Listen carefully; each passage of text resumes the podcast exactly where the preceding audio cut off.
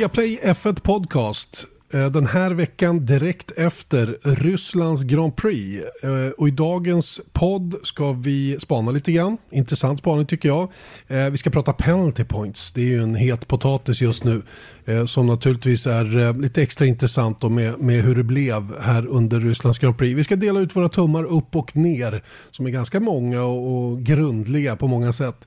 Sen ska vi glädjande nog också prata med både Marcus Eriksson och Felix Rosenqvist inför de eh, tre sista racen av Indycar-säsongen 2020. Där har ni innehållet eh, i stora drag i alla fall, Erik Stenborg. Mm. Ska vi börja med vår fina nominering? Ja! Det är i alla fall eh, liksom på väg mot kanske en seger. Ja, om vi sköter det här rätt. Det finns inget annat alternativ. Nu är det bara att gå all in som gäller. Och det, vi kanske ska ge bakgrund. Vad är det vi nominerade till?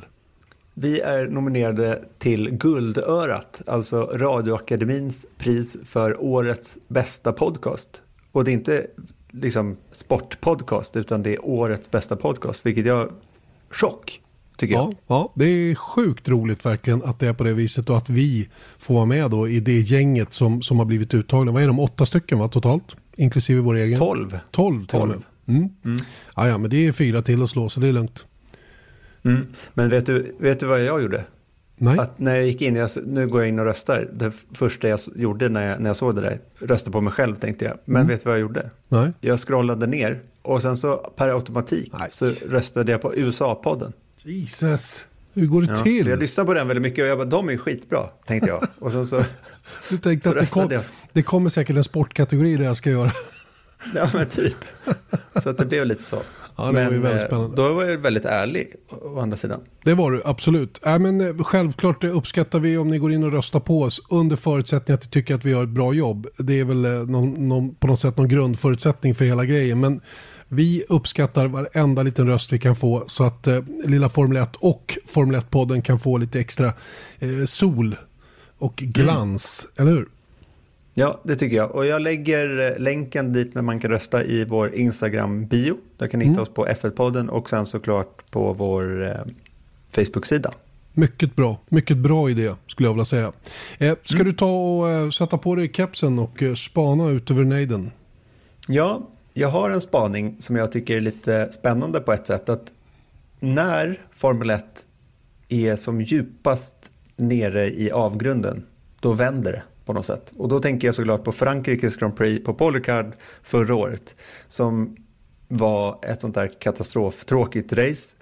Eh, man går, liksom, alla, går, alla som såg racet gick ner i avgrunden och tänkte så här, nu måste vi liksom, det här är ingen idé att kolla på för det är så tråkigt. Och plötsligt så blev det typ sex bra race direkt efter det. Belgiens Grand Prix i år, 2020, väldigt tråkigt race. Lite liknande eh, liksom, känslor runt det. Kanske inte lika illa som, som Frankrikes GP förra året. Men sen då? Då har det kommit tre stycken kanonrace på olika sätt i rad därefter. Mm. Det är fascinerande och, och ehm, um, konstaterar det redan under 2019 att sporten har på något sätt en förmåga att, att eh, komma tillbaka av sig själv den, den självreagerar av någon anledning som inte jag riktigt förstår. Jag förstår inte riktigt vilka mekanismer det är, om det är några ens eller bara tillfälligheter. Men på något sätt så studsar det tillbaka och, och med, med, kraft också. Och jag tycker det är himla intressant, verkligen då. Även om vi lite grann blev blåsta på konfekten nu då i söndags när, när eh, Ehm, Bottas försvann iväg lite tidigt därifrån. Vi, vi insåg ju tämligen eh, omgående att Red Bull-bilen hade svårt att hänga med. Och när Hamilton inte heller hade läge att utmana så blev det ju där uppe i alla fall ganska statiskt. Men det hände ju en hel del annat.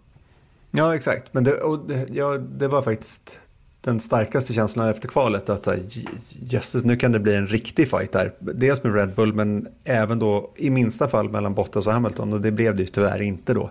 På grund av allt som vi kommer till här strax.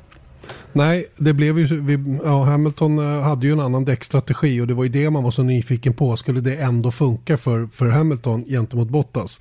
Men som sagt, vi fick aldrig reda på det då med Eh, bestraffningen som Lewis Hamilton fick. Innan vi kommer in på den, eh, vi har en nyhet idag. Tänk att de släppte en nyhet innan vi poddar. Det är ju fantastiskt. Och den nyheten kommer från Ferrari. För det är nämligen klart nu att de tänker låta tre av sina juniorer i Formel 2 få köra FP1. Och två av dem kommer att göra redan kommande helg då, där eh, Mick Schumacher tar plats i Alfa Romeo under första träningen istället för Antonio Giovinazzi och där Callum Islet kommer att köra för Haas Eh, i en av bilarna. Vilken av dem är inte klart ännu. Men eh, en av dem ska han köra i alla fall under första träningen då på Nürburgring. Och sen har vi då Robert Schwarzman, den tredje ryssen som kommer att hoppa in i något av teamens bilar. Vi vet inte riktigt vilken ännu men det kommer inte att ske förrän i Abu Dhabi. Eh, samtliga tre förare ska på onsdag det vill säga imorgon, dagen efter vi spelar in det här, köra en 2018 Ferrari på Fiorano. För att liksom komma up to date med, med system i bilarna som säkerligen påminner om varandra. Men det är i alla fall ett sätt att, att um, komma in i det någorlunda då innan de ska göra den här FP1 då i, i, i Tyskland för Kalle Mailat och Mick Schumacher. Mm. Och det är bra det att de kör 2018-bilen för den är snabbare än årets. Ja, det, det är den ju också kan man ju säga. I alla fall, äh, det vet jag inte om den är i och för sig. Nej, men nej, men, men, äh, men äh, det, det, är ändå bra för dem att få känna på det. Och vad jag tycker är lite så här spännande ändå, det är valen av team för de här två. Mm. För, för, förra veckan pratade vi season en hel del och vi var inte riktigt säkra på huruvida här skulle gå Ferrari Driver Academy-spåret eller inte. Det här är ju ett första steg åt att de faktiskt titta lite grann åt det hållet. Och när det gäller Mick Schumacher, att han hamnar i Alfa Romeo, så, eh, så eh, är det också spännande att han börjar där så att säga. För att det är ju där de flesta tror att han kommer att köra om han tar steget upp i Formel 1. Eh, och sannolikt då ihop med Kim Räikkönen då, som vi trodde skulle bli bekräftad helgen som var men som inte har blivit det ännu. Va? Så, så att eh, det är ju det är ju en fingervisning. Va? Och sen tror jag faktiskt att det är de här två som kör nu i Tyskland som har störst chans att ta steget upp. Eh, eh, förlåt, eh, det, det är inte de här två utan Mick Schumacher tror jag har störst chans. Sen tror jag faktiskt Robert Schwarzman eh, har en, en, eh, en liten fördel av en, en bättre ekonomisk situation än Callum Eilert. Men vi får se. Det beror lite på vad Ferrari vill. Och det, det frigörs ju som vi sa pengar nu med det nya budgettaket. Så det kanske, är en, det, det, kanske är så att Ferrari vill trycka på lite här nu och markera tydligare då vilken, vilken, vilken maktfaktor de ändå är. Och jag tycker det viktiga här är att vi sa precis det här. För eh, om det var förra veckan eller för förra veckan, det, det vet jag inte. Men det var en, en tidigare podd. Så mm. att, eh, det, bara det tycker jag förtjänar en röst. Absolut, absolut. Ingen tvekan om den saken. Eh, grattis till de pojkarna som då vet eh, lite mer vad de ska göra. Eh, Mick Schumacher som för övrigt gjorde en fantastisk helg igen. Han mm. har verkligen imponerat på mig här på slutet. Jag tycker han kör fenomenalt bra. Han startar som en kanon. Han är jämn i kvalen. Han är inte uppe och tar pole position gång efter annan. Typ Ailot har gjort det fler gånger. Eh, men han är ju oerhört konsekvent stark och snabb. Eh, tar sina positioner i starten, är där runt pallplatsen och så när han får chanserna då tar han dem. Och han kör städat och han håller liv i däck. Jag tycker det är på många sätt eh, en komplett, en komplett Formel 2-förare just nu, Mick Schumacher. Mycket, mycket bra. Verkligen. Mm. Mm. Ska vi snacka lite straffpoäng eller penalty points? Ja, du har ju gjort en grundlig genomgång av eh, bakgrunden till dem och eh, lite grann skeendet i söndags då. Så kan vi väl tycka lite runt omkring det. Mm, lite steg för steg sådär. Och grejen är då att eh, det här med penalty points, att, alltså att man får 12 stycken på en 12 månaders period. Går man på 12 poäng eller över då blir det avstängd i ett race. Det som komma skall så att säga då. Och där infördes eh, 2014. Det började med startkraschen som Romain Grosjean vållade i Belgiens Grand Prix 2012. Ni vet där när han drar ihop och flyger liksom över Fernando Alonso. Eh, han blev då avstängd i nästkommande race och ersattes av Jerome D'Ambrosio. Som, eh, vet du, när vi var där, jag var där nämligen då, då kommer jag ihåg att det här skedde och sen så gick vi, när vi var på väg till bilen efter racet, på väg från banan alltså, då ser vi Jerome D'Ambrosio stå med väldigt stora ögon och prata i sin mobiltelefon. Och då var han reservförare för Lotus. Och då kommer jag ihåg att vi konstaterade att 3000 procent säkert, ja nu ringde de. och vi såg när det hände. Det var kul. Ja, det är fränt. Eh, mm. Fortsätt, fortsätt. Ja, men grejen då med Grosjean det här året var ju att eh, det var flera incidenter innan. Eh, och det var egentligen inga konstigheter att han blev avstängd egentligen. Jag kommer inte ihåg att, han fick, att det var mycket kritik runt det. Eh, just på grund av att han hade haft en stökig säsong eh, dittills då. Men man ville då kunna göra det mer systematiskt om en förare var med om upprepade incidenter. Därav 12 poäng över en period eh, på 12 månader då. Och eh, ingen har faktiskt blivit avstängd under det nya systemet och bara sex förare genom historien. Eh, så det är inte speciellt ofta som det här sker då. Men lik straffpoäng på körkort i, i Storbritannien då, i, då har de också 12 poäng på det. Så jag tror de har tagit liksom själva idén därifrån. Och tanken är ju att om man är på 9-10 poäng, då måste man vara försiktig och då får man inte köra för fort till exempel, för då blir det av med körkortet. Så har vi inte i Sverige, eller hur? Eh, inte så vitt jag vet. Jag, någon gång fick jag väl, gick det rykten om att man fick liksom prickar. Och fick man för många prickar då rök kortet oavsett förseelse. Mm. Men jag vet inte om det är så. Ja, ja, du vet, jag sköt är det för grovt så, så, så ja, jag, exakt. Jag sköt ju mig så det är lugnt. Mm. Inte när jag tittar på men i alla fall. Ja, hur som helst, poängen är då att då inför, införde de här 12 poängen då för att kunna liksom se på ett lättare sätt att mäta istället för att liksom helt plötsligt, då blir det mer godtyckligt att säga, nej men nu stänger vi av honom och då kan ju den ifrågasätta varför. Till exempel, och det, mm. det var det här systemet. Då. Ja, Ska vi det... ta det vidare vad som hände i söndags då? Ja, vi kan, vi, vi, ja det kan vi göra. Vi fortsätter med, med Hamilton då som, som alltså eh, gjorde sin provstart då på en eh, icke tillåten plats. Han körde längre ut i depån, än, eller han körde ut ur depån kort och gott, men han var fortfarande innanför den heldragna linjen. Eh, som då markerar innan man får köra ut på banan. Så han hade faktiskt lämnat depån när han gjorde sin, på, de, sin provstart. Eh, och eh, han gjorde det då istället för precis i slutet av pitlane då där man har oftast en liten ruta eh, eller en plats där man får göra sina provstarter. Och det brukar ofta, eller det står i så kallade the event notes, mm, alltså noteringarna inför racet då som FIA skickar ut och det går garanterat igenom också på, på förarmötet innan, eller team manager-mötet i vilket fall. Så att det här påpekas hela tiden för det här är en viktig detalj var man kan göra sina provstarter. Ibland gör man det i depån och ibland måste man göra det ut på start och mål beroende på hur banorna ser ut. Så det här är inte, det är inte någon godtycklighet i det här utan det, det finns en anledning till varför man har provstartsplatserna på vissa ställen. Då. Det är ju för att det ska störa så lite som möjligt och att det ska ske på ett säkert sätt.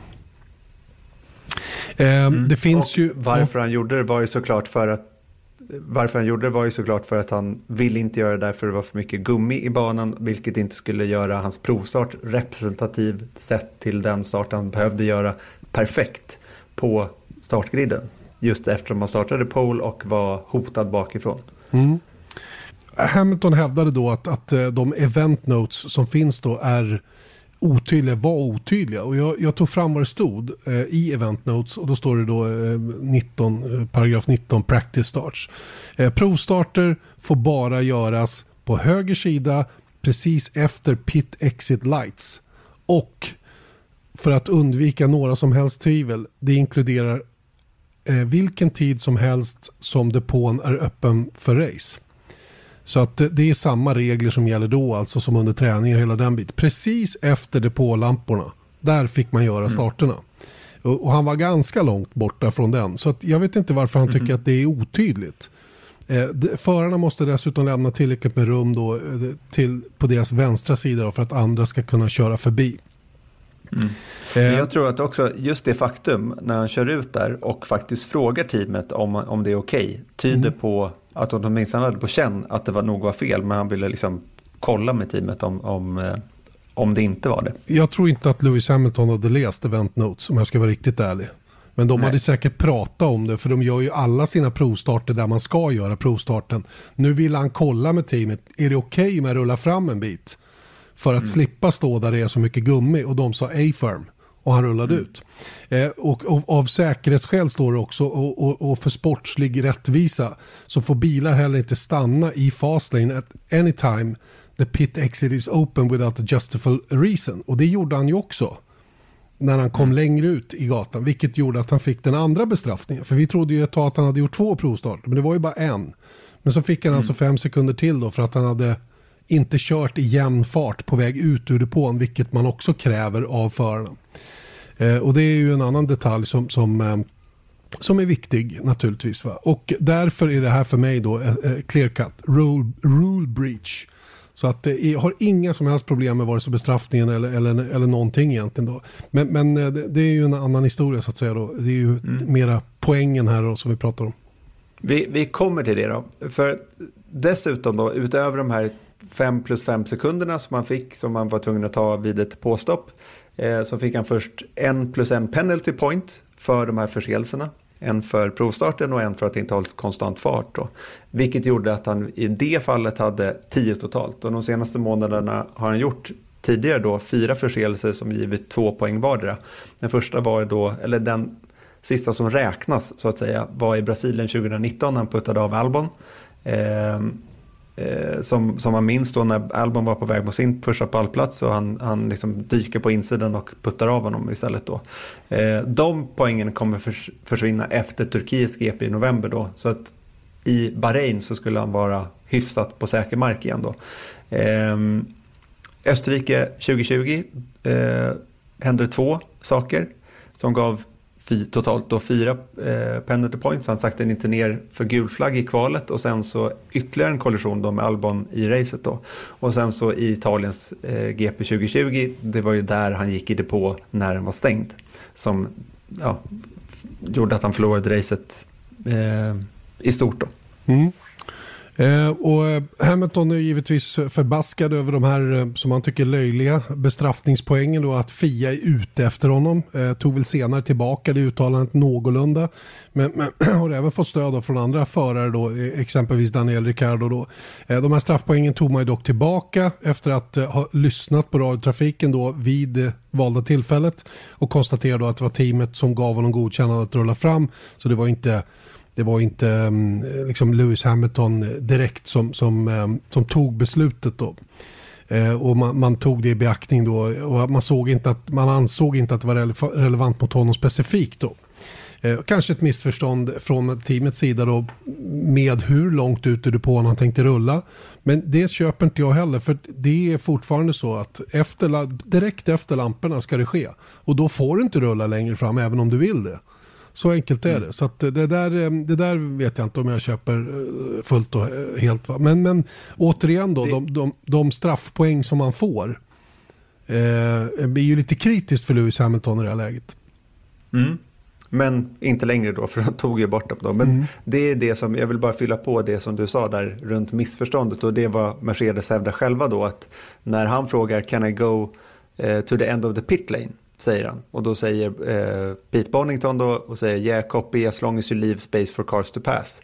Och då menar Mercedes att det var ett missförstånd eh, runt hur långt fram Hamilton menade. De kanske, han, som att de, han tänkte 10 meter, men han menade i slutet av, eh, ja, precis där det blev bana på riktigt. Mm. Eh, och eh, därmed så, så eh, klarar han sig då från att få 10 straffpoäng nu Lewis Hamilton har istället bara 8.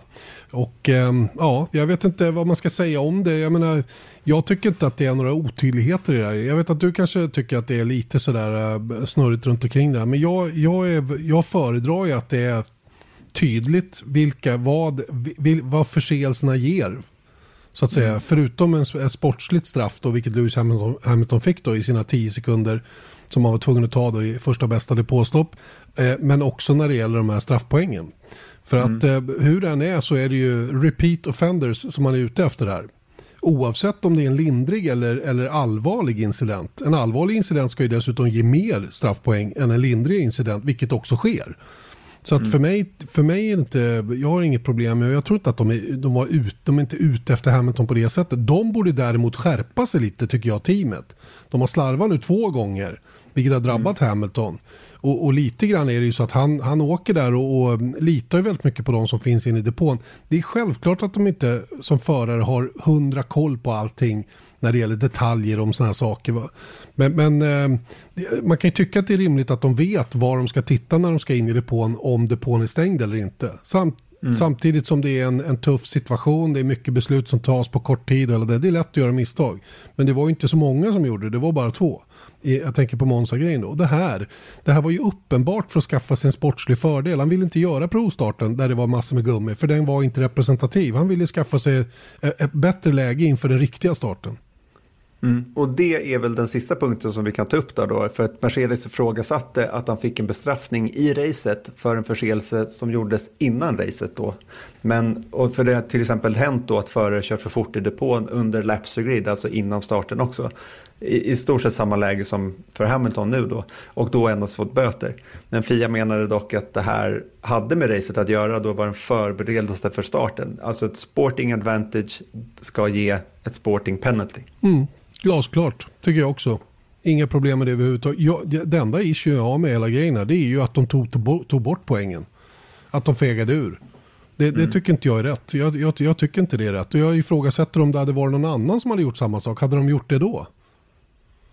Eh, man vet inte det heller. Det är, ju, det är ju hypoteser såklart och det bygger på att man är konspiratorisk och det är inte jag. Jag bygger saker och ting på fakta, jag tycker det är viktigare. Och, och fakta i det här caset var ju att han gjorde eh, två förseelser och de två förseelserna gav varsin straffpoäng. Som, man, som jag, i min, i mitt, enligt mitt förmenande, borde ha haft. Mm. Det enda jag kan säga om de här straffpoängen, du var lite inne på att jag har kanske en annorlunda syn och jag vet inte om jag har det egentligen. Men däremot så kan jag känna att det, är lite som den där när domarna skulle vara lite mer linjent, att liksom låta saker och ting passera mer för att bjuda in till mer fighter. Det är lite samma grej, för jag kan tycka att man får straffpoäng för lite olika förseelser hela tiden. Att man kan få det för att ha ignorerat blåflaggor. Man kan få det för att ha kört, eh, ignorerat gulflaggor, vilket jag tycker är mer allvarligt än en, en blåflagg. Förstår du? Att det blir hela tiden en, en och du kan också få det för att ha prejat någon av banan och så vidare. Och för att du gjort en provstart innan racet. Så det är där jag känner lite att så här, det blir väldigt... Om man strävar efter en väldig tydlighet i Formel 1 så tycker jag att ja, det vore jättebra att få en, liksom, en matris som säger så här att X ger X. Men det är, inte så, det är sällan så clear cut inom någon som helst idrott. Och det är där jag känner lite att jag kanske talar emot mig själv där lite grann, men jag, jag, jag har svårt att se att man skulle kunna hitta en, liksom, en matris helt enkelt och säga så här, vad gjorde Hamilton nu? Ja, då går vi och tittar här till höger, ja men det är två poäng det. Mm, exakt, det, det, det, det, det finns liksom inte. Nej, ja, men, det finns ju inte. Nej, det går inte. Nej, det finns inte. Jag tror att det går, men det finns inte. Och det är det som är problemet. Det är det som är problemet, ja, hela man, problemet. Om vi tar ett annat exempel då. Mm. Leclerc som prejar av Stroll. Ja, det... Inga straffpoäng. Nej, men han, däremot... han blev nej, inte men... bestraffad. Hur ska han kunna nej, få några... Inte... Nej, precis. Nej, men exakt, först... men det är det nej, jag men, menar. Nej, men Erik, det, det är ju så här att du kan aldrig få några straffpoäng så länge domarna inte tycker att du har gjort något fel. Och, och, och domarbedömningen, Nej, den, visst, men... den måste ju stå till grund för eventuella straffpoäng. Straffpoängen kommer i nästa steg. Sen, sen kan jag hålla med ja, om att en, en, sån som Leclerc kanske skulle ha haft en bestraffning och fått straffpoäng på mm. licensen. Det är en annan grej. Mm. Men, men, nu bedömde de det som en race incident, därmed inga straffpoäng. Och det är lite, där är skillnaden för mig. Här var det ett glasklart ett straff, därmed straffpoäng. Eh, är det inte mm. ett bestraffning... Jag att matrisen kommer in i steg F, två. I steg två, ja, exakt. När du väl är bedömd, ja, causing och collision, två poäng. Ignoring yellow mm. flags, tre poäng. Eller vad det nu ska vara. Inte men det blir ändå inte clear cut då. För att om man, då kan man ju dra det ännu längre och se som att okay, men det blev ingen, varför blev inte det en bestraffning för?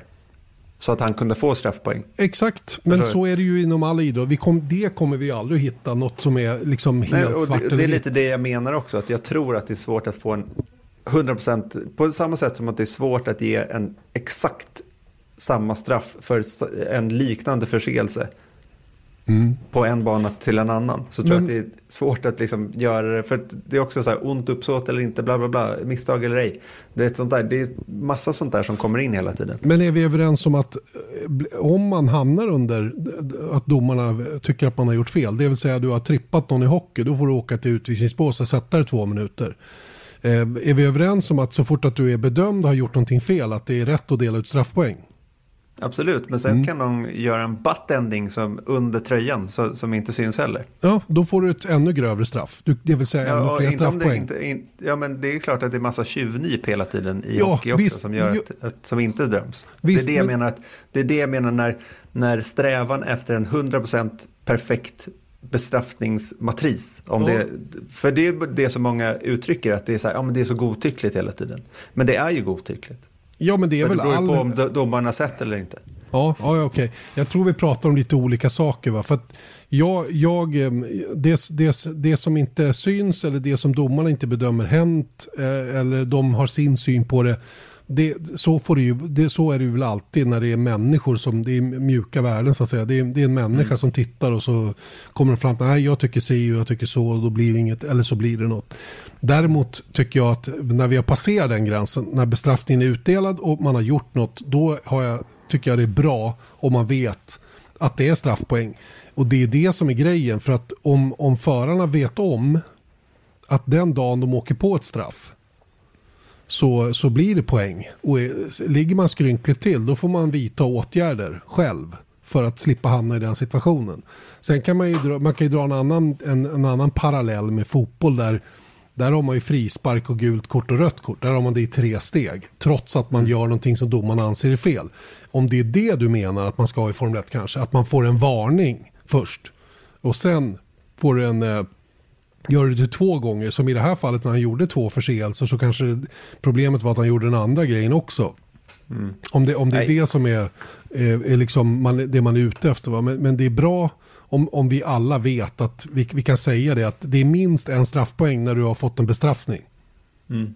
Men jag tror att jag såg på det här lite mer som, och det jag försöker uttrycka är lite mer runt, runt domarnas arbete generellt. Mm. Att jag tror att jag kan bli lite irriterad på det när jag ser folk på Twitter, folk på uttalar sig, även folk man pratar med säger så att ah, men jävla domare, du vet sånt där. Det, det går liksom, de, de gör inte samma sak i alla lägen. Och det menar jag bara att det är precis samma sak i vilken annan idrott som helst när det är en bedömningsfråga. För det bedöms och sen så, så blir det olika domslut mm. till slut. Visst. Och och det är det, det jag menar med, med hockey finns det också. Du, du, kan få två minuter, du kan få fem minuter, du kan få matchstraff där också. Så att, och saker mm. och ting måste upptäckas först, för det första. Hur jo, som helst. så är det ju. Och då är det, bra, då är det bra om man inte gör grejerna i direktsändning mitt i tv. Ja, exakt. Eller vad säger du? Få, få köra, köra folkrace istället.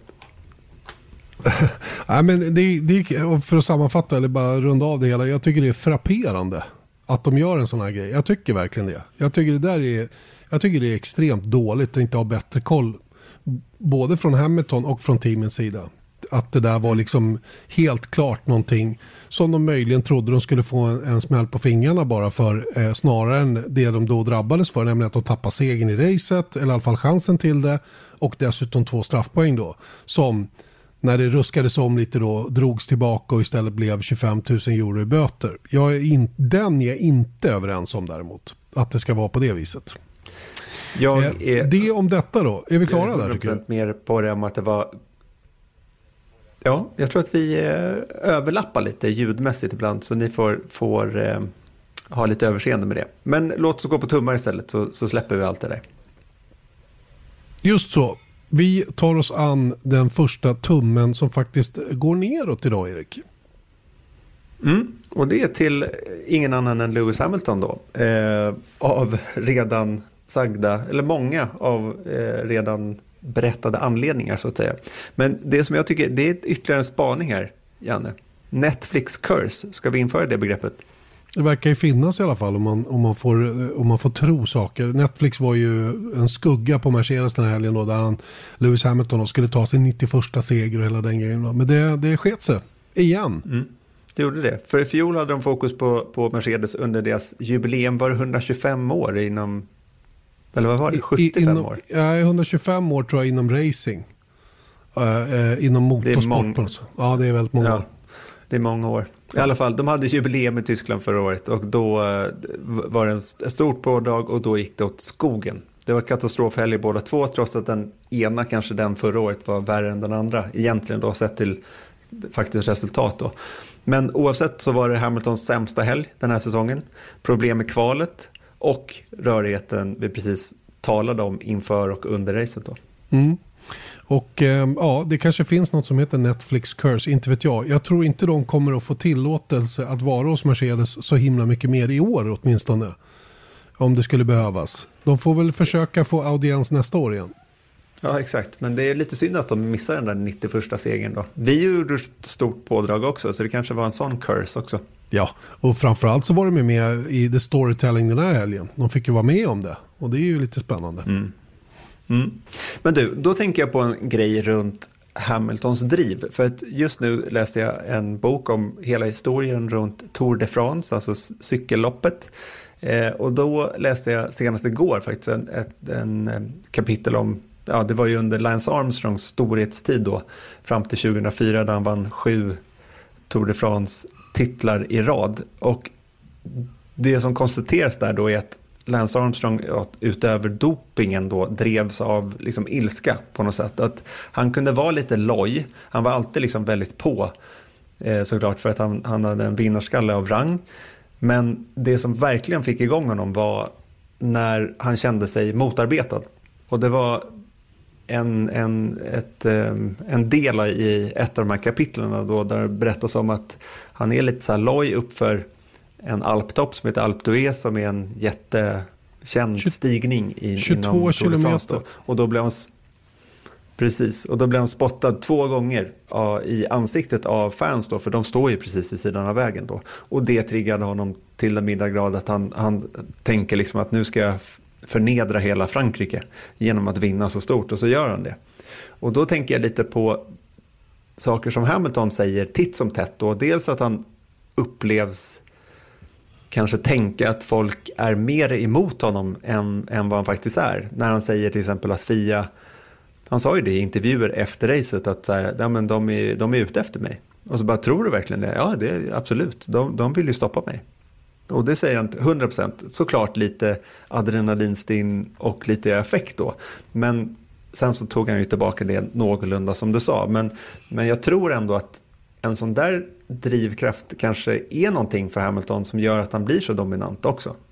Det är mycket möjligt. Det är mycket, mycket möjligt att det är på det viset att han eh, eh, om, om någon tror att man ska kunna komma under skinnet på honom på det viset så kanske man gör precis mot, får det motsatt effekt. Va? Men samtidigt eh, tillbaka till säsongen med, med Rosberg 2016. Det var ju också ett år när det var turbulent. Eh, det var mycket tjuvnyp och, och rackarspel och, och sådana saker. Och Hamilton var inte helt tillfreds med det heller. Sen säger inte jag att han torskade VM på det.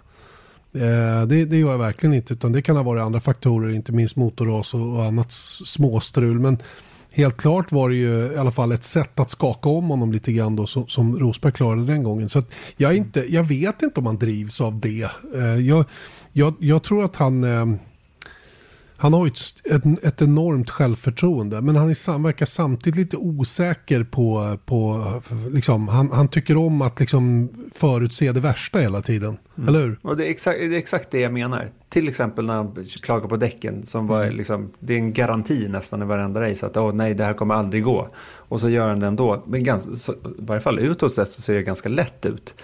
Och det är det som jag tänker lite att han måste liksom, och det är det jag menar att det kanske inte är verkligt, utan det är någonting som man intalar sig själv att nu kommer det gå åt skogen. Och jag måste försöka lösa det här, jag måste göra det bästa av det. För till och med FIA vill ha bort mig. Förstår mm. du? Att det liksom, jag, jag ska minsann visa dem, lite den, den typen av attityd. Ja men lite så. Mm. Och det är där jag tänker med Rosberg, att skillnaden där var att det var ju faktiskt någon som ville krossa honom på riktigt. Mm. Medan nu kanske han måste hitta på saker i sitt eget huvud för att, att tro att han ska bli krossad av någon. För mm. att kunna liksom lyfta sig ännu mer. Ja, du, jag har ingen aning faktiskt eh, hur, hur Hamilton tänker på det sättet. Jag, jag, jag uppfattar bara honom som, som tämligen komplett. Både mentalt och, och liksom sportsligt på alla sätt och vis. Men det är klart att han också har mer eller mindre bra stunder. Och de här grejerna nu, gulflaggen på kvalet i Österrike, missen att åka in i depån eh, när han körde in i depån på Monza. Eh, det här som han, det här lilla tricket han gjorde nu i söndags, det är ändå så här. Eh, då tänker jag mer så här, slarvigt. Börjar han liksom uh, slappna av lite nu för att det, det rullar på för lätt eller jag vet inte om det är sådana saker. Mm. Det, det, är i alla fall inte... Det. Det, det, är i alla fall intressant vad det här med att, att, att passera en milstolpe eh, kan påverka, eller hur? Mm, verkligen, att det är liksom, nu var de här 91 segrarna och jag tror att egentligen så är det ju bara för Hamilton att så här, hänga i där och sen så göra så, så, precis så som alla säger när de är inför ett mästerskapsavgörande eller ett, en milstolpe som tangerar Schumachers segerrekord. Är att så här, nej men jag tar det bara som ett vanligt race och sen så det gäller att jag ska gå för vinsten bara och sen så får resten lösa sig. Men sällan så blir det ju så inför ett mästerskapsavgörande att det, det darrar lite på manschetten helt enkelt. Ja, det brukar göra det. Det är ju det som är lite kul. Det är väl sport i ett nötskal, så ska det ju vara. Mm. Ja, men, och jag tänker på Scott Dixon också, i och med att vi ska prata Indycar här snart. Att han säger, han fick frågan efter, eh, efter senaste racet, tror jag. Mm, mm. Att, ska du gå nu för att liksom köra på resultat snarare än han bara, nej, nej, absolut inte, jag måste gå för segern. Eh, men jag tror samtidigt att hur kan du som människa räkna bort det faktum att här, jag behöver det här, jag behöver X. Ska jag försöka överträffa det eller ska jag försöka liksom bara göra det? Då tror jag mm. att man omedvetet eller medvetet liksom kanske bara kör lite mer på säkerhet och därav inte lika mycket på instinkt och därav kan det liksom bli en snöbollseffekt. Visst, och det är ju, det är svårt också att, att medvetet göra som vanligt. För grejen med att göra det som vanligt är att man gör det omedvetet. Eller hur? Helt mm. konstigt. Eh, mm. Alright, vi, vi släpper Hamilton. Han får en tumme ner faktiskt den här gången då. Det blev inte hundra från hans sida. Han fick nöja sig med tredje plats i mål. En tumme upp då till hans teamkamrat Valtteri Bottas. Mm, det var ju till syvende och sist felfritt från hans sida. Eh, jag menar, han, han, okej, okay, han kvalade in som trea, men sen så väl i racet så, så satte han inte ett hjul fel då. Men trots det, liksom, trots att det är idiotiskt att ta något ifrån honom, när han nu gjorde en väldigt bra helg totalt sett, så är det ändå svårt att bortse från att Hamilton inte var där. Av egen förskyllan förvisso, men det är samma sak där. Det sitter där lite grann och då blir ju lite det här uh, to whom it may concern, fuck you Eh, och never give up som han sa då. Blev lite otajmat kan jag känna. Det kom lite snett där just av den anledningen. Va? Nu efterhand förstår jag mer varför han sa det. Eh, det var någon, jag tror att det var en reaktion på vad någon hade skrivit åt honom på sociala medier som han redan hade svarat på, åtminstone vad jag läst mig till. Och eh, han, han reagerade på det till den personen på sociala medier. Men också nu efter racet menar på att kom här och säg att jag ska ge upp. Dra åt fanders. Så jag tror att det var mera det än, än det, det, det det betydde första gången han sa det då. När han vill, verkligen ville visa alla att jag är, jag är fan bra, alltså riktigt jäkla bra. Men det, det kom ut lite tokigt kanske och många, många har haft synpunkter på det. Va? Men man, man får ju, de är ju människor de är klart människor. Dock ser jag det inte som något gott tecken. Att han, att han går i, i polemik på det här viset med en eventuell följare eller vad det nu kan vara då som, som har kommit åt honom. Sånt mm. är inte bra att visa upp så tydligt tror jag. För då, det kommer, det kommer bara trigga den på andra sidan mer. Att, för då märker jag, fan jag fick ju lite feedback här. Så nu kör jag på ännu mer. Mm. Ja, så kan det vara. Upp fick han en tumme i alla fall. Ja, tydlig tumme upp. Börjar, börjar, börjar prata som Yoda här. en tydlig tumme upp. Mm. Även en tumme upp till Max Verstappen. Och jag bara motiverar det så, som så att han är alltid där för att ta de smulorna han får. Och så kvalade han ut Albon med 1,1 sekunder. Ja, och det var verkligen ingen rak framhäll för Max Verstappen. Han hade körit genom eh, träningar, eh, delvis genom kvalet också, men framförallt under träningen tycker jag inte att det såg bra ut. Han fick inte till sina varv, fick inte ihop varven på den här i och för sig svårkörda banan. Han var inte ensam om det här, men, men någonstans så tog han sig samman då och, eh, och liksom drog till med ett riktigt, riktigt jäkla bra varv i Q3 där han till och med tog sig in emellan Mercedesarna. Vilket var sjukt bra gjort måste jag säga. Va? Sen är det ju så att bilen räcker ju inte till. Det bara är så. Han kör dock på det som den där bilen klarar och inte mer. Vilket är det som är grejen med honom just nu. Att han, han är precis där men han provocerar inte över. Han slutar att racea Bottas ganska tidigt i söndags. För att han, är, han, han, han tänker till. Han mm. utmanar inte, riskerar ingen andra plats utan bara okej, okay, Idag hänger vi inte på, men jag är tvåa. Det räcker. Vi kör på det. Mm. Det, det tycker jag är stort av Max Verstappen. Och eh, just det här att han kvalar ut Albon med så mycket också. Det är ju smärtsamt för den andra som faktiskt får en tumme ner. Mm. Han tog alltså, förutom den där 1,1 sekunderna i kvalet, vilket är liksom det är, det är så mycket marginal så att det är inte sant. Så tog han även då en poäng medan eh, Verstappen knep på 18. Han har exakt hälften av Verstappens poäng just nu. Och då tänker jag ändå så här, det, det, är lite, det är fint tycker jag, eller bra av Red Bull att de uppenbarligen har börjat liksom supporta Albon utåt sett. Att han, bara, nej men han behöver inte vara orolig, vi, liksom, vi går på honom nu, vi måste jobba med honom, vi måste hjälpa honom framåt. Då.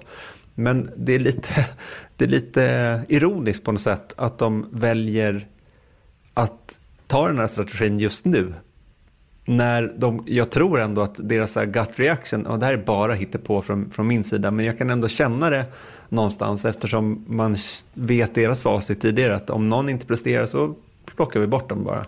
Och jag undrar om inte Helpon Marko har lite så här, det rycker lite armen för att liksom riva hans kontrakt. ja, det kanske det gör, inte vet jag. Vi får väl se. Det ser inte bra ut i alla fall för Albon som föll tillbaka i gamla synder igen då efter sin första pallplats i karriären då eh, på Mugello så ramlade han ner i källaren igen då. Visserligen fick han ingen hjälp av att de tvingades byta växellåda och han tappade fem platser till men som sagt avståndet fram till Max Verstappen det var 1,1 sekund. Mm. Eh, några som också får en tumme ner den här helgen, även om jag tycker att Lennon Norris studsade tillbaka hyggligt i alla fall, försökte studsa tillbaka hyggligt i alla fall, vilket inte räckte hela vägen fram. Så McLaren, vad hände? Mm. Vad sjutton ja. hände i Ryssland? Mm. Det var alltså första helgen under 2020 de inte tog poäng. Resterande helger har de alltså varit på poängplats hela tiden då och de har haft en grym säsong hittills. De är trea i VM just nu, men Renault är nu bara två poäng bakom och Racing Point bara ytterligare fem poäng bakom dem. Mm. Mycket, mycket svår situation för dem då att hålla undan om den där tredjeplatsen om de fortsätter att köra som i Ryssland. Och vad 17 gjorde Carlos Sainz. Mm. Han fick totalt ja, nästan hjärnsläpp. extra nedtumme det va? Ja men han, han fick totalt hjärnsläpp och kör rätt in i muren jag inser att det där är ingen lätt situation. Det är snabba reflexer och det kanske inte är perfekt grepp på hela. Men det är väldigt sällan man ser någon köra rakt in i muren. Som han gjorde. det låter galet när du säger det så. Ja men det var ju verkligen så. Jag, jag trodde till mina ögon när man såg det. Han styrde bara alldeles för lite. Skulle jag vilja säga. Speed was okay but the corner was too tight. Exakt. Ett klassiskt finskt eh, rally-statement. Mm. Eh, så en, det var en ganska brutal tumme ner för McLaren den här helgen. Dock då en tumme upp till Renault. Eh, som, som verkar ha hittat, eh, hittat någonting som gör att de har tagit nästa steg. Mm. Det var någonting som hände där och det var redan i Silverstone som du påpekade innan vi började banda. Att, eh, att eh, det var där de började liksom tala om att de hade unlocked någonting i setupen av deras bil då. Och Ricardo har nu fyra stycken topp 6 placeringar i rad. Han var femma i, Sochi då och Ocon var sjua. Eh, och jag vågar nästan börja tro på Renault numera. Jag har haft en väldigt så ambivalent känsla runt Renault. Magkänsla. Ja, ja, men verkligen. Ja, men det har varit en magkänsla runt och säga så här, ja de är bra nu men kolla nästa helg så kommer det inte gå lika bra. Mm. För att, och det är ofta stämt, stämt också. Och det är ju inte bara på, det, det är ju magkänsla såklart, men det är också ett tidigare facit som det faktiskt sett ut så allt som oftast. Men nu känns det nästan som de har hittat lite stabil medvind, medvind då för en gångs skull. Exakt det det handlar om tror jag, att de är mer stabila, de är inte, det är inte avhängigt av bana längre. Vi pratar ju ofta om att de är bra på low downforce configuration, det här var en medium downforce i Ryssland och funkade hur bra som helst för, för eh, egentligen båda förarna. Och Con gjorde en stark första strid. Sen vet inte fasen vad som hände med honom när han fick på de hårda däcken. Han hade inte alls samma fart. Eh, Ricardo eh, körde ungefär som man är van att se honom numera. Som du sa, de här, eh, sorry, fyra topp sex placeringar i rad. Eh, och um, fyra på Mugello och nu fem här i Sochi. Han är, han är med, verkligen. Och fortsätter de så här, då kommer de gå förbi McLaren, det tror jag. Mm. Eh, verkligen starkt. Och en sista tumme upp då innan vi landar på lite Indycar-snack. Eh, den får faktiskt gå till Charles Leclerc. Mm. Han kom sexa. Och det är inte galet bra, men det är bästa resultatet sen andra race på Silverstone. Det som alltså hette 70th Anniversary Grand Prix. Och det är samma sak där som med Verstappen tänker jag, att liksom, de smulorna han får, de tar han. Eh, och var inte det lite av kommentaren efteråt? Han tyckte väl till och med själv det. Att eh, han nu har, slu- han har liksom ändrat mindset lite grann.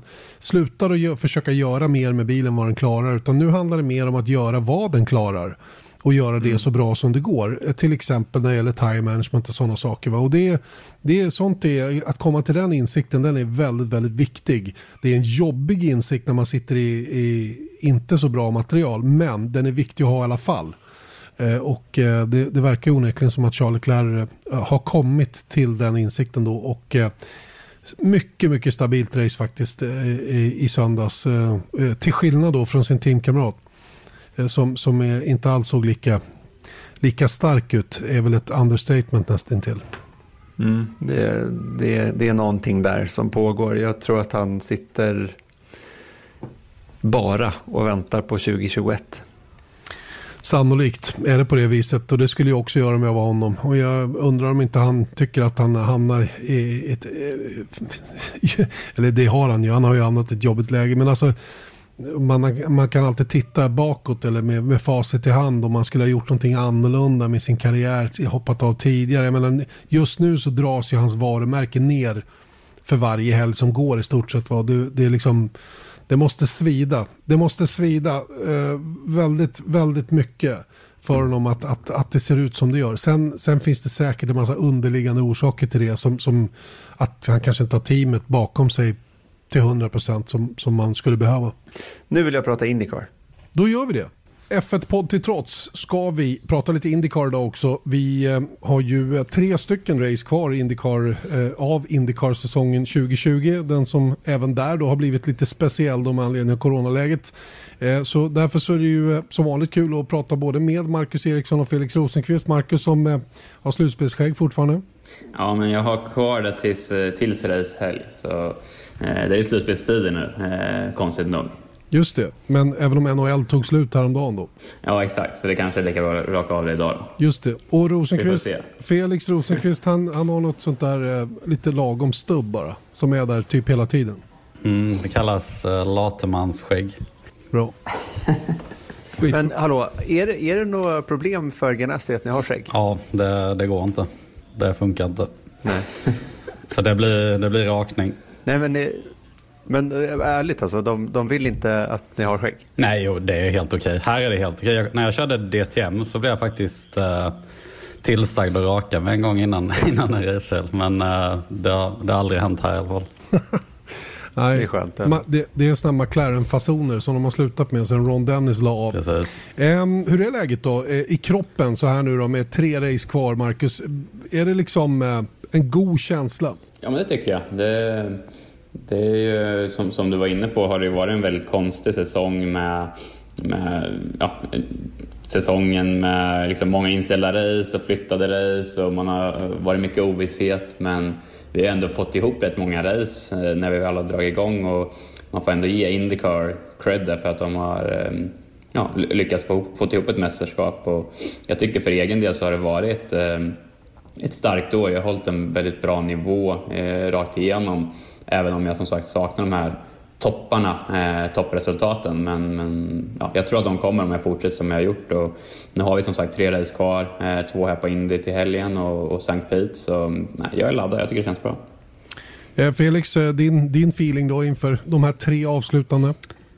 Nej men det känns bra. Det är ju det är banor som man tycker om och har varit på innan. Så att eh, det finns nog eh, alla möjligheter att, att, att ta pallplatser och, och vinster om, om chansen kommer. Eh, sen, sen känner man såklart att det är surt att man inte är med i fighten. Liksom. Det, är ju, det var ju det som var målet i år. Liksom. Så att man är ju, det är ju, man kollar ju mer på nästa säsong än på denna nästan. När man liksom, ja, hur tankarna går, hur målsättningarna går. Men det, det är också skönt och man har inte så mycket press nu utan det är bara liksom att försöka ja, få in några riktigt bra race här i slutet. Och kul med St. Pete som final framförallt tycker jag. Det, det känns som det racet kommer bli av. Och, um, det var ju väldigt surt när, vi, när de ställde in det i början av säsongen när allt det här kaoset drog igång. Men, uh, men väldigt kul att avsluta där. Så att, uh, nej, men det känns, känns bra. Och, uh, bra, bra flow just nu tycker jag i körningen också. Hur, för, för det där med Sankt Pete har jag funderat lite på att det är ju fortfarande ett coronaläge så att säga i hela världen såklart men även i USA. Hur, och jag vet att Mid Ohio till exempel var ju ett sånt där som bestämdes i typ sista veckan, i varje fall utåt sett. Eh, hur, vad har ni hört det senaste om Sankt Pete just? Eh, det känns på det jag har sett eh, på de mötena som har, har varit med, med teamcheferna och Indycars så, så verkar det som att liksom, de har börjat planera och de har, logistiken finns för, för att göra racet. Och jag tror de, de har nog inte ens monterat ner hela banan sen, sen det hände i med covid då. Så att det, det finns några positiva saker i, i den aspekten då. Så att eh, nej men det, det, det känns ärligt talat som att det kanske är ja, säg 80% chans att vi kommer köra. Eh, och mm, det var väl så att eh, guvernören i Florida också har släppt på restriktionerna? Är det inte så? Det sista jag läste i alla fall, Marcus. Jo, men det har jag också förstått att är, eh, de kör mm, fullt, eh, fullt ös där eh, på restauranger och så vidare. Så man kan väl diskutera om det är rätt eller fel, men, det är väl bra för, för våran del för att eh, att eh, ja, chanserna för att racet ska bli av går väl upp på grund av att de släpper på så pass mycket som de gör. Och jag har ju hört samma som Felix där och det verkar ju som på alla man pratar med att det är ja, alla inställda på att vi kommer köra avslutning där i Sankt Pete. Så, eh, nej, det, det är som Felix säger, det vore ju riktigt, riktigt roligt om vi kunde göra det och kunde avsluta med med just St. Pete-racet som är en både häftig bana och häftigt ställe att vara på. Så det skulle vara en perfekt avslutning på, på säsongen. Och vi ska gå vidare på roligare saker då, men jag tänker bara på en sak nu när om Florida då har släppt på sina restriktioner. Finns det restriktioner fortfarande för Indycars räkning hur fans och så får, liksom, eller hur ni närmar er fans och så vidare? Marcus? Ja, men jag tror så som det har varit hela året så har ju vi haft eh, avstängda depåer. Inga, de, även de race som vi har haft fans har ju vi aldrig träffat en endaste fan utan det har ju varit, de har fått bara vara på, på läktarna och så vidare. Så jag, jag tror väl att eh, oavsett om det blir fans eller hur mycket fans det blir, förmodligen kommer det ju bli fans då i, i St. Pete eh, men, men jag räknar med att det kommer vara som, som det har varit hela året, att de inte kommer ha någon möjlighet eh, att att träffa oss förare helt enkelt för att försöka ha en liten bubbla där med, med förare och team. Bättre att vara safe than sorry som det heter och det är nog en klok eh, inställning att ha då eh, när det gäller både Indycar och Formel 1 då, där båda de här kategorierna faktiskt har skött det riktigt, riktigt bra då med att isolera sig och kunna genomföra tävlingarna. Eh, om vi ska prata lite grann om säsongerna. Du, ni var ju båda inne på hur det har gått så här långt och vi sammanfattar dig Felix först. Eh, en seger, eh, en topp 5 Eh, fyra stycken topp 10. Eh, du är 11 i tabellen, 244 poäng. Du har inte haft samma flyt i år kort och gott som du hade förra året. Eh, men du är där, eller där omkring i vilket fall. Hur skulle du ranka säsongen så här långt?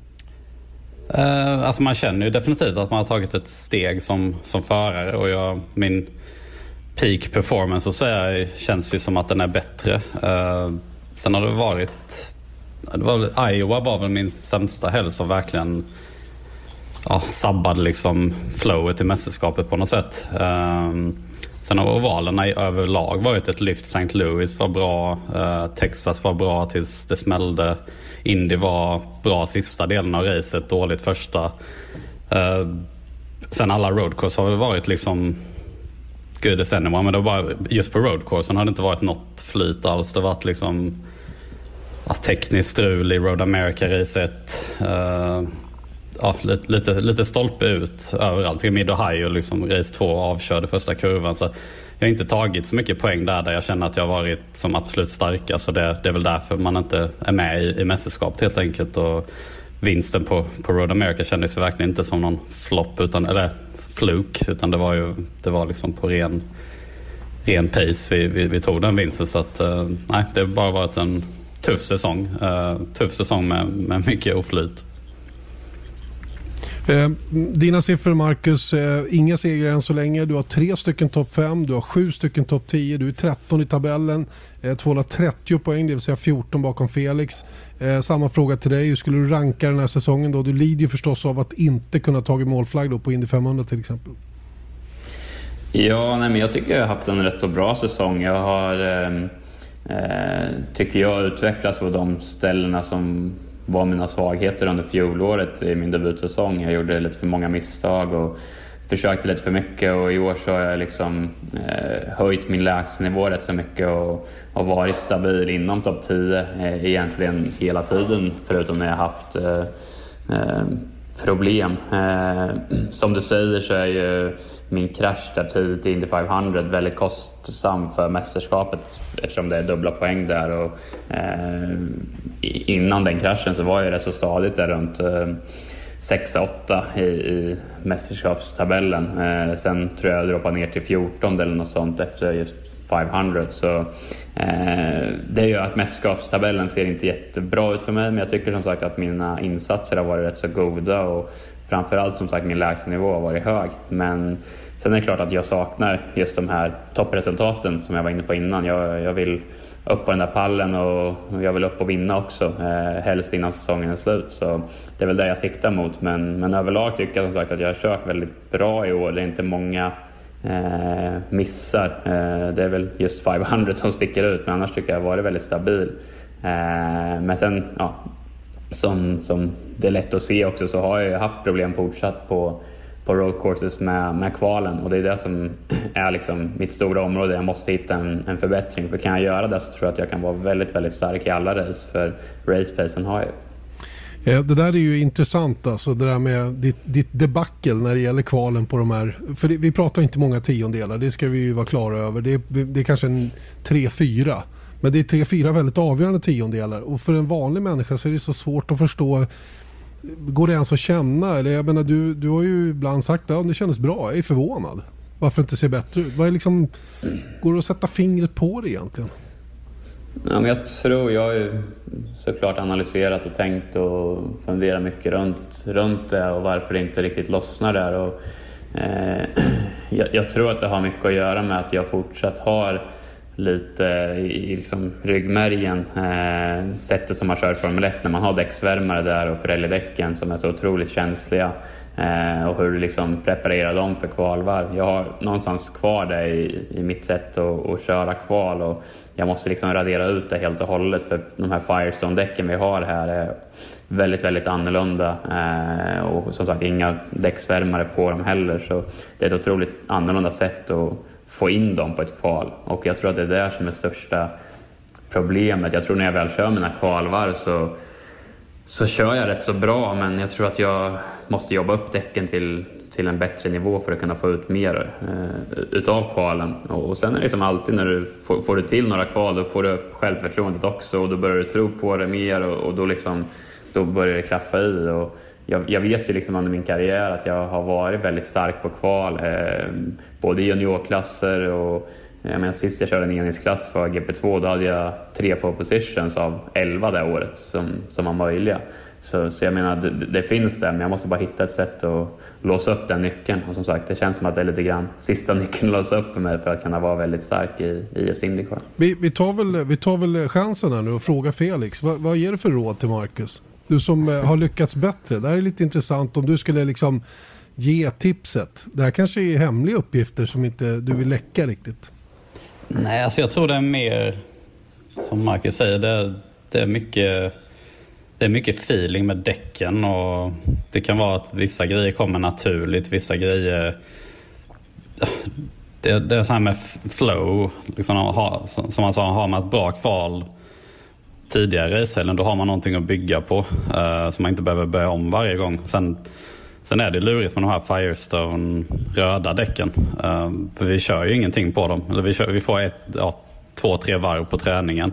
Och sen ska man in i kvalet och liksom ladda fullt. Och det, ibland är det hit och ibland är det miss. Och för, för min del känns det ofta som att det blir rätt. För det på något sätt har det alltid passat mig bra det här med att ja, liksom man, man, får bara ett eller två varv och, och det, är, det är mycket känsla. Det är inte så mycket referenser utan man får bara liksom prova lite och sen man får köra in i en sväng och sen får man ja, bara, bara se vad som händer och, och, och rätta ut bilen därefter. Och jag är inte så liksom, jag kör inte så mycket efter referenser och bromspunkter och grejer, utan jag, jag kör mycket på känsla. Jag tror det, det passar bra för det det upplägget även som du gjorde typ i Formula E där man bara fick ett kvalvarv och så. Här, så att, eh, ehm, sen, sen, kräver de ju ofta rätt aggressiv körstil.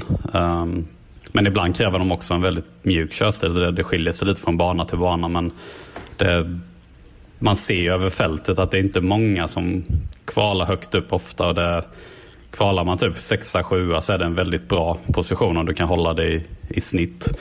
Um, sen ser man de förarna som tar kanske en pole och sen nästa race är de 15 och sen tar de en andra plats och sen är de 16 så det, um, det är väldigt svårt formula att liksom reda ut över en hel säsong. En sån här grej som är skillnad i år är ju det här med testning. Ni, ni testar ju i praktiken ingenting och eh, jag menar redan inför säsongen så var det ju Ja, det var väl några dagar där på Kota men de regnade ju bort allting. Är det en sån grej som man skulle normalt sett testa att köra på, på röda kvaldäck, Marcus? Det, det, är det som är problemet här i Indycar, att vi, vi får ju inte ens på, test, på testerna så är det bara svarta däck man får använda. Så det gör ju att det är ännu svårare att just ja, liksom, eh, få, få träning på just de här eh, kvalsituationerna eftersom man aldrig får använda röda däck. Eh, så det gör ju att även när du testar så blir det mer att du fokuserar på setup och fokuserar på mer race-grejer egentligen. Så det är helt klart en utmaning här i USA, eh, eller i Indycar, just hur, hur man har möjlighet att träna på de röda däcken och just i racehelgerna som Felix säger, du kanske har Oftast har man ett set röda på träningen som man kör tre, fyra varv på i slutet på träningspasset och sen är det nästa gång så är det kvalet och då är det liksom skarpt läge. Så det är lite speciellt så sett, men eh, det är som Felix säger också, det är, det är så otroligt små marginaler och det är eh, det gäller att få till allting och ha den där rätta känslan och då kan du vara med längst fram. Eh, men det är väldigt lätt att missa lite med setupen eller lite med körningen eller lite med, med däcken och då är du helt plötsligt femtonde eh, även fast du kan vara väldigt nära toppen. Eh, det finns ju en parameter till som, som vi måste ha med. Det är det här speciella i år då, där det har varit eh, två grupper som kvalar och man, man eh, tränar sig till vilken plats eller lottas till vilken plats man hamnar i vilken grupp. Och där har ni ju båda två faktiskt haft lite både flyt och oflyt med var man hamnar och det gör det ju ännu mer komplicerat så att säga. Men, men, men om vi kommer tillbaka till, misströstar du någon gång Marcus runt omkring det här? Eftersom det är ett så pass återkommande, nu tjatar ju vi väldigt mycket om det också när vi pratar med dig. Och jag antar att det, det till slut sätter det sig lite grann i huvudet trots allt.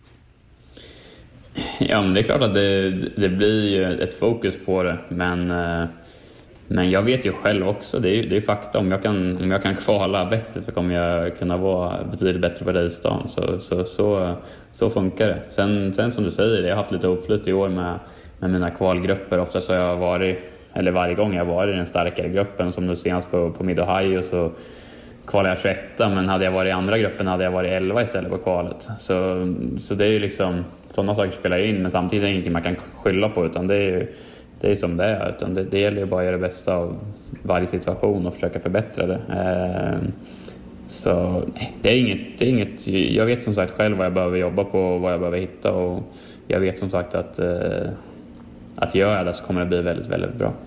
Kan du gå och träna de här grejerna i simulatorn? De gånger du får sitta i den? Är det liksom, eller är det big, det, är liksom, det går inte att omsätta simulatorn till det just?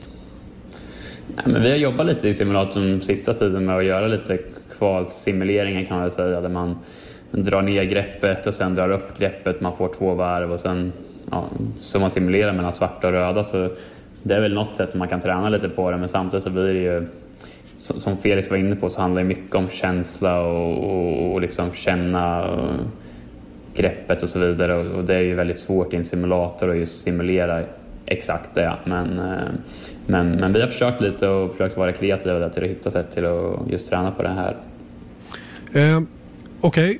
då släpper vi det med, din, med, med kvalen kort och gott. Vi bara håller tummarna för att det går bra för er båda två nu då. Eh, de två kval som ska köras på Indianapolis Motor Speedway. Eh, vi ska komma till det racet alldeles strax. Eh, men nu vill jag ju veta vad ni vet om 2021. För det vet jag att många svenska motorsportfans är, är nyfikna på.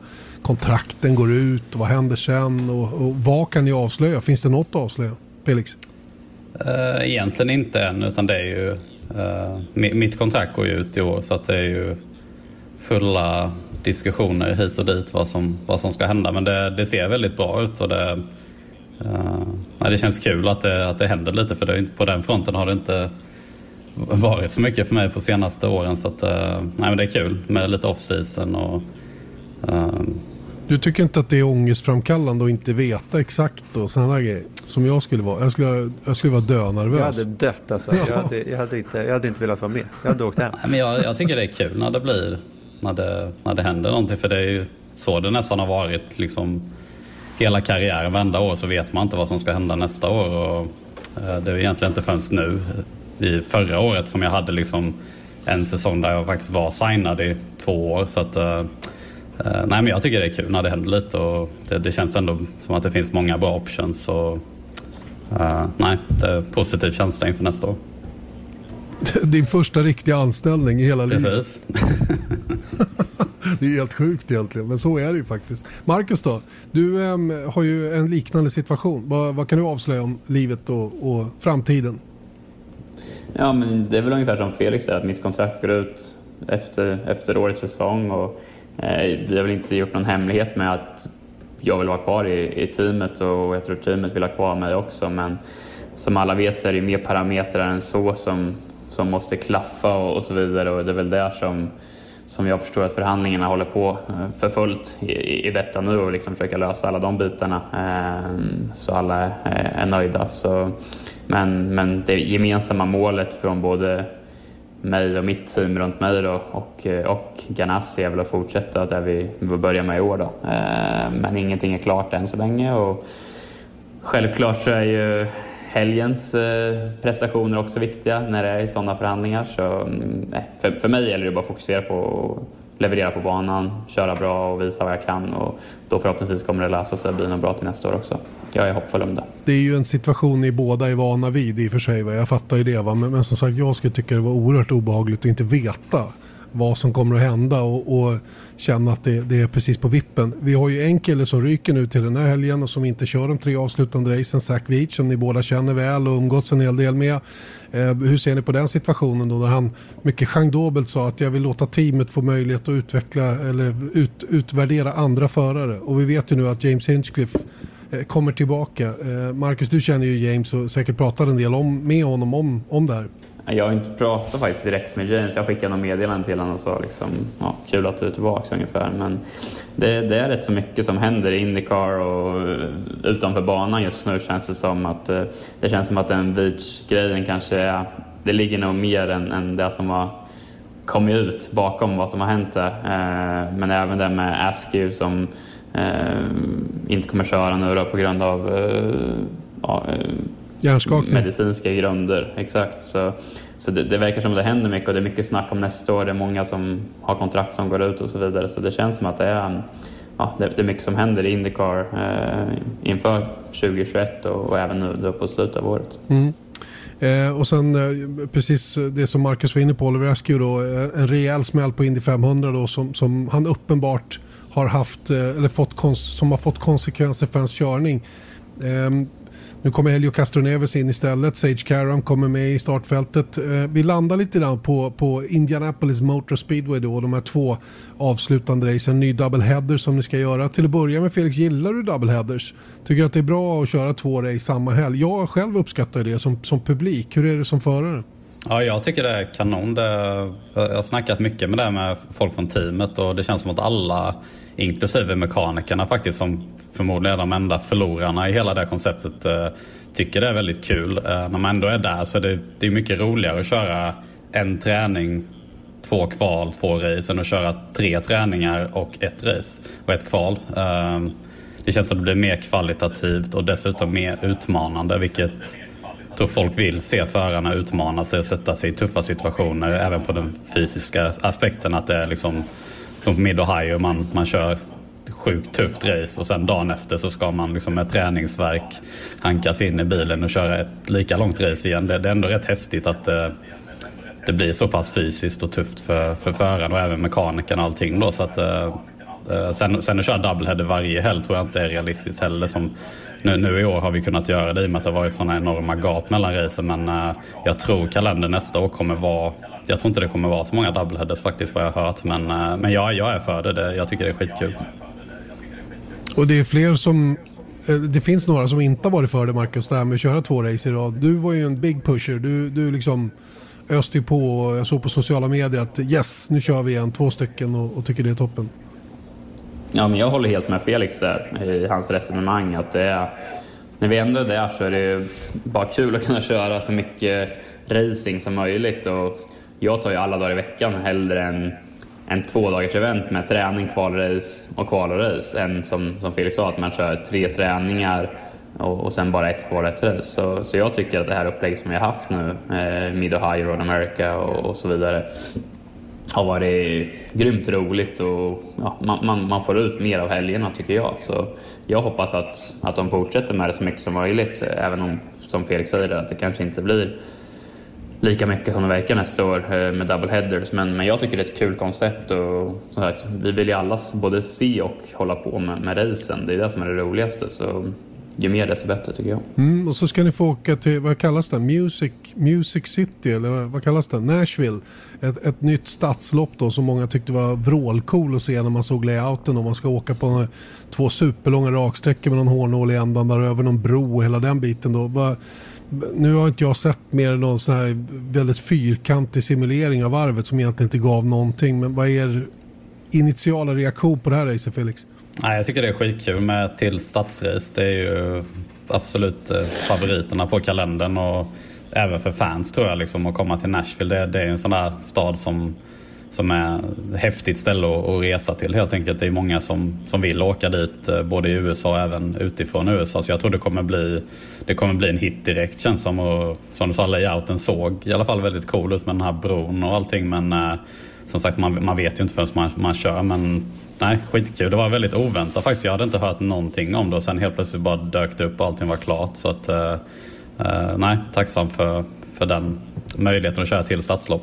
New Gardens, Joseph New Gardens hemma, hemmastad som han får åka i då. Det är kul för honom. Han som fortfarande väl har en matematisk chans att utmana Scott Dixon om årets titel Eh, det kan ju bli lite rafflande där på slutet om, eh, om Scott Dixon börjar darra lite på manschetterna och Joseph Newgarden hittar fart som vi kanske inte riktigt har sett under året i år. Det leder oss in på kommande helg nu då. Eh, Indianapolis Motor Speedway, GP-slingan alltså, där var ni tidigare i år och körde. Eh, erfarenheterna från då, eh, värdefulla gissar jag in i, in i helgens race också Marcus? Jo men så är det ju. Det, det är som du säger, vi kommer tillbaka till en bana som vi har kört rätt så nyligen på och dessutom kört med, med just aeroscreenen. Eh, dock så verkar det som att vädret kommer vara väldigt, väldigt annorlunda mot när vi var där tidigare i år. När vi var där och körde sist så var det 30-35 grader och sol och extremt varmt i asfalten. Nu är prognosen att det ska vara närmare runt 15 grader istället och lite molnigt och betydligt kallare såklart i asfalten. Så, så, så det kommer nog eh, göra att det, även där man har lärt sig kommer man få ha lite, eh, ja, man måste verkligen vara på hugget där och se vad, vad just temperaturen gör för både setup och, och balans och så vidare. Så, Eh, men, men, det är en bana som, som de flesta kan väldigt väl så det kommer säkert vara som alltid Indycar extremt tight och små marginaler men eh, jag tycker vi som team var starka där senast och eh, Scott vann ju och jag hade ett bra race och Felix var också snabb även om det var lite missflyt där i racet så jag tror att vi som team har bra koll på vad vi behöver för att, eh, för att vara starka där. Påminn oss, hur gick det? Jag kommer inte ihåg. Ja, jag kom sexa där. Jag var väl på väg mot en pallplats. Jag låg före Persino. Sen hade vi ett dåligt depåstopp där, tappade 11 sekunder i depån och fem, sex bilar. Eh, så kom bakom den klungan men körde upp med och kom sexa sen då i, i, till slut. Så, så, det var ett väldigt bra race för, för mig och som sagt Scott vann väl med typ en halv minut. Så, så ja. Uh, jag stålade i pitlane så det var, det var väl slutet på det racet. Jag, jag var till och med varvad tror jag efter det så att, uh, jag, jag kom aldrig fatt även när det blev safety car. Så tror jag blev ja, 17 eller någonting. Men det var som, som Marcus sa, det var bra pace, uh, bra kval och allting såg lovande ut så att uh, jag, jag, tror även jag tror denna gången att det var ännu bättre chans faktiskt för jag har nog, jag har nog tagit rätt stora steg sedan dess. Eh, vad är nyckeln till att vara stark på just eh, IMS då, på GP-slingan, Felix? Uh, det, det, är som Marcus säger, det är extremt tight. Alla kan banan nu. Det, det, finns ingen som kommer dit och liksom lär sig den banan. Utan första varvet på träningen kommer folk liksom köra max. Så, uh, det handlar ju bara om detaljer. Liksom. Få till bilen som man vill. Uh, naila varven. Uh, inga misstag. Det, det, är ganska svår, svår bana att få ihop ett varv på. Så ofta i kvalet ser man att alla ligger typ inom två tiondelar men han som ligger först kanske är två, tre tiondelar före allihop för att han faktiskt fick till ett helt varv. Så det, det är en, framförallt kurva 6, 7, 8 tror jag det är som är, ja, det är typ en vänster, höger, vänster, höger. Som är väldigt svårt med detta årets bil. Den är väldigt tung med den här nya aeroscreenen så varje gång du gör en change of direction så är det väldigt mycket vikt du ska flytta från ena sidan till den andra och den, den gillar inte riktigt det. Så den där sektionen är skittuff. Um, framförallt i kvalet då. Så att, um, nej, det, det gäller bara att naila kvalvarv så tror jag att liksom då, då kommer vi vara med där vi vill vara. Uh avslutningsvis då innan vi stänger butiken för, för er del idag. Eh, Scott Dixon som sagt i ledningen. Ni känner honom superväl. Eh, han har varit grym i år. Eh, och framförallt så tycker jag även att de helger han inte har varit bra så har han ändå tagit hyggligt med bra poäng. Tror ni att han når hela vägen Marcus? Ja, självklart. Det, det tror jag. Han, eh, han har varit med förr så att säga och nu när han har så pass stor ledning så är jag övertygad om att han kommer eh, kommer klara det på ett bra sätt och som sagt jag tror som Felix säger att vi kommer ha bra bilar. Eh, ja, nu i Indy och, och, även i Sankt Pito så det är väl det som är lite grejen med, med, med, Dixon just att även när han har en dålig dag så är han typ femma. Så, så på grund av det och med det, den luckan han har i mästerskapet så tror jag att han kommer vinna. Vad är hans styrka Felix? Vad är grejen med Dixon? Varför är han så otroligt framgångsrik? Uh, han är lite som en blodigel, liksom, framförallt under racet. Han, han slappnar aldrig av, liksom, utan han ligger som någon som sa ungefär samma sak från Sergio Perez. Han är sån här som bara liksom hela tiden, kommer det ett gap så är han där och, och tar en plats. Och sen gör man det fem, sex gånger under racet och startar sjua, då, då är man framme och slåss om en seger. Och det känns som att han är typisk sån där som det går inte att sätta riktigt finger på Alltså kollar man typ i kval så är vi ungefär lika bra. Eh, kollar du ett race så har man ungefär samma pace. Men det är alltid när det är runt depåstoppen så lyckas han alltid ta på utvarv, invarv. Någon gör något misstag, han sätter in nosen. Eh, han kraschar sällan med någon. Eh, när han väl committar för en omkörning så brukar det aldrig hända någonting. Eh, så det är de där små detaljerna som är liksom en plats i taget och sen till slut så, så är han där. Och han startar ofta topp fem liksom, så att eh, Uh, nej, imponerande. Mm, signifikativt för honom är väl den där snörningen senast på Mid Ohio och ändå tia i mål. Det, det liksom tycker jag är, det summerar honom så himla väl på något sätt hur, hur stark han faktiskt är. Och, eh, du är inne på det, eh, Wolfpack, kallas inte hans team crew, det är alltså hans depå-crew för Wolfpack? Jo, precis. Det är så va? Ja, och, och, de är, och de har vunnit mycket bara där. Ja, så är det ju. De, att komma in... Över en säsong så är de ju oslagbara egentligen. Eh, det, det är alltid tiondelarna till, till hans fördel när det, när det, när det är på sekvens. Och, och tar du det ihop med att han ofta är den som gör bäst invarv och utvarv och, och hela den biten så, så blir det ett, det är där du kan ta platser i Indycar. Liksom det, är, det är ju strategi och depåstoff som är den största biten. Det spelar ingen roll hur snabb du är. Det är där du kan göra mest skillnad. Och, och ja, där, där har de verkligen fått till det. Och Marcus, då kommer vi in på ditt pack, vad vi nu ska kalla dem. Eh, du har jobbat stenhårt. Batteripacket. Nej, men, men skämt åsido, jag vet att du har varit jobbat frenetiskt med dem. För det är ingen hemlighet att det har gått sådär. Va? Men, men, men eh, det, det såg riktigt bra ut senast och det verkar som de har lyft sig lite grann gubbarna. Absolut, Nej, men det har väl varit lite vårt problem här, framförallt i början på året. Vi, I stort sett alla på min bil är från eh, IMSA-programmet, GT-programmet som Ganassi hade. Eh, och de kom till Indycar i år och eh, har väl haft lite problem att komma in i, i just depåstoppen men, men de har jobbat hårt på att försöka förbättra det och, och även jag har varit liksom på och försökt peppa dem och, och varit där och försökt hjälpa till med det jag kan och liksom, har verkligen jobbat med dem för att förbättra oss som, som team ihop. Då. Och, eh, det var väldigt kul att se nu senast i Ohio att vi gjorde eh, vi gjorde bra depåstopp, vi gjorde bra strategi och, och jag satte mina in och utvarv och vi, vi tog faktiskt en eh, plats där med Persson eh, genom både strategi och bra depåstopp. Så, så, så, det var jäkligt kul att se. Jag märkte efteråt också hur, hur glada och liksom nöjda de var i pitcrewen också. Då. Så, nej, det är bara att hoppas att det här självförtroende de fick från, från den helgen kan hålla i och vi kan fortsätta vara starka där resten av, eh, resten av året. Det gäller att väcka vinnarskallen även i depån alltså och det hoppas vi verkligen att den har vaknat då till kommande helg. Eh, ni ser faktiskt allt på vår kanal i helgen, eller hur Erik? Vi sänder både träning, båda kvalen och båda racen.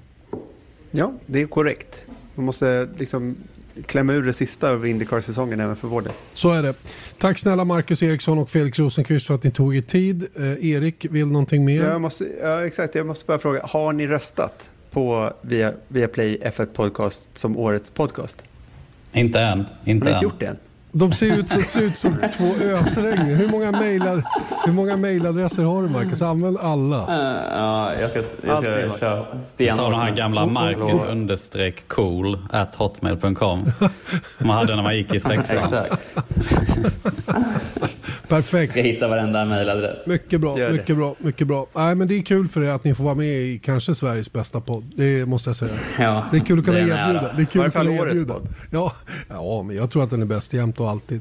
Eh, Det är en ära att få vara med också, såklart. Eh, Lycka till i helgen. Tack snälla för att ni var Tack, med. tack. Tack, tack så mycket. Ja, det var Marcus Eriksson det och Felix Rosenqvist. Pigga och glada, som tur är. Laddade till tänderna för eh, de här två racen på Indianapolis Motor Speedway och så småningom då finalen på St. Pete. Eh, om den nu blir av, men det verkar ju ändå som att den blir av. Mm. Det var positivt att höra att, att eh, det, det såg så ut i alla fall. Ja. Du, det är ingen Formel 1 i helgen, men nästa race ska ju gå på Nürburgring. Och då vill jag bara, jag har i min väderapp här på min telefon, så, så bara notera det att eh, nu är det tisdag när vi spelar in det här och på onsdag imorgon alltså, eh, då ska det vara 10 grader och 1,3 millimeter regn. Ja, där ser man. Hur, hur, tror, hur tror du det kommer gå? Ja, jag tror inte det där blir någon succé i helgen, ärligt talat. Jag är orolig för att det kan bli rätt tråkigt. Alltså mycket rödflagg och, och eh, du vet, 7-8 grader varmt eh, ute. Det kommer bli kalla däck som inte kommer igång överhuvudtaget. Och, ja, jag, jag, I brace myself, som de säger. Magkänslan, god? Äh, Nej, inte så, måste jag säga. Jag tror inte att det, jag tror att det kommer att bli svårt. Mycket svårt. Men det kanske kommer att göra att vi får ett, ett spännande race istället. Jag laddar mera inför Indycar i helgen. Jag tycker det ska bli kul. Se, se dem på Indianapolis Motor Speedway. Som är mitt sista framträdande i Indycar-serien i år.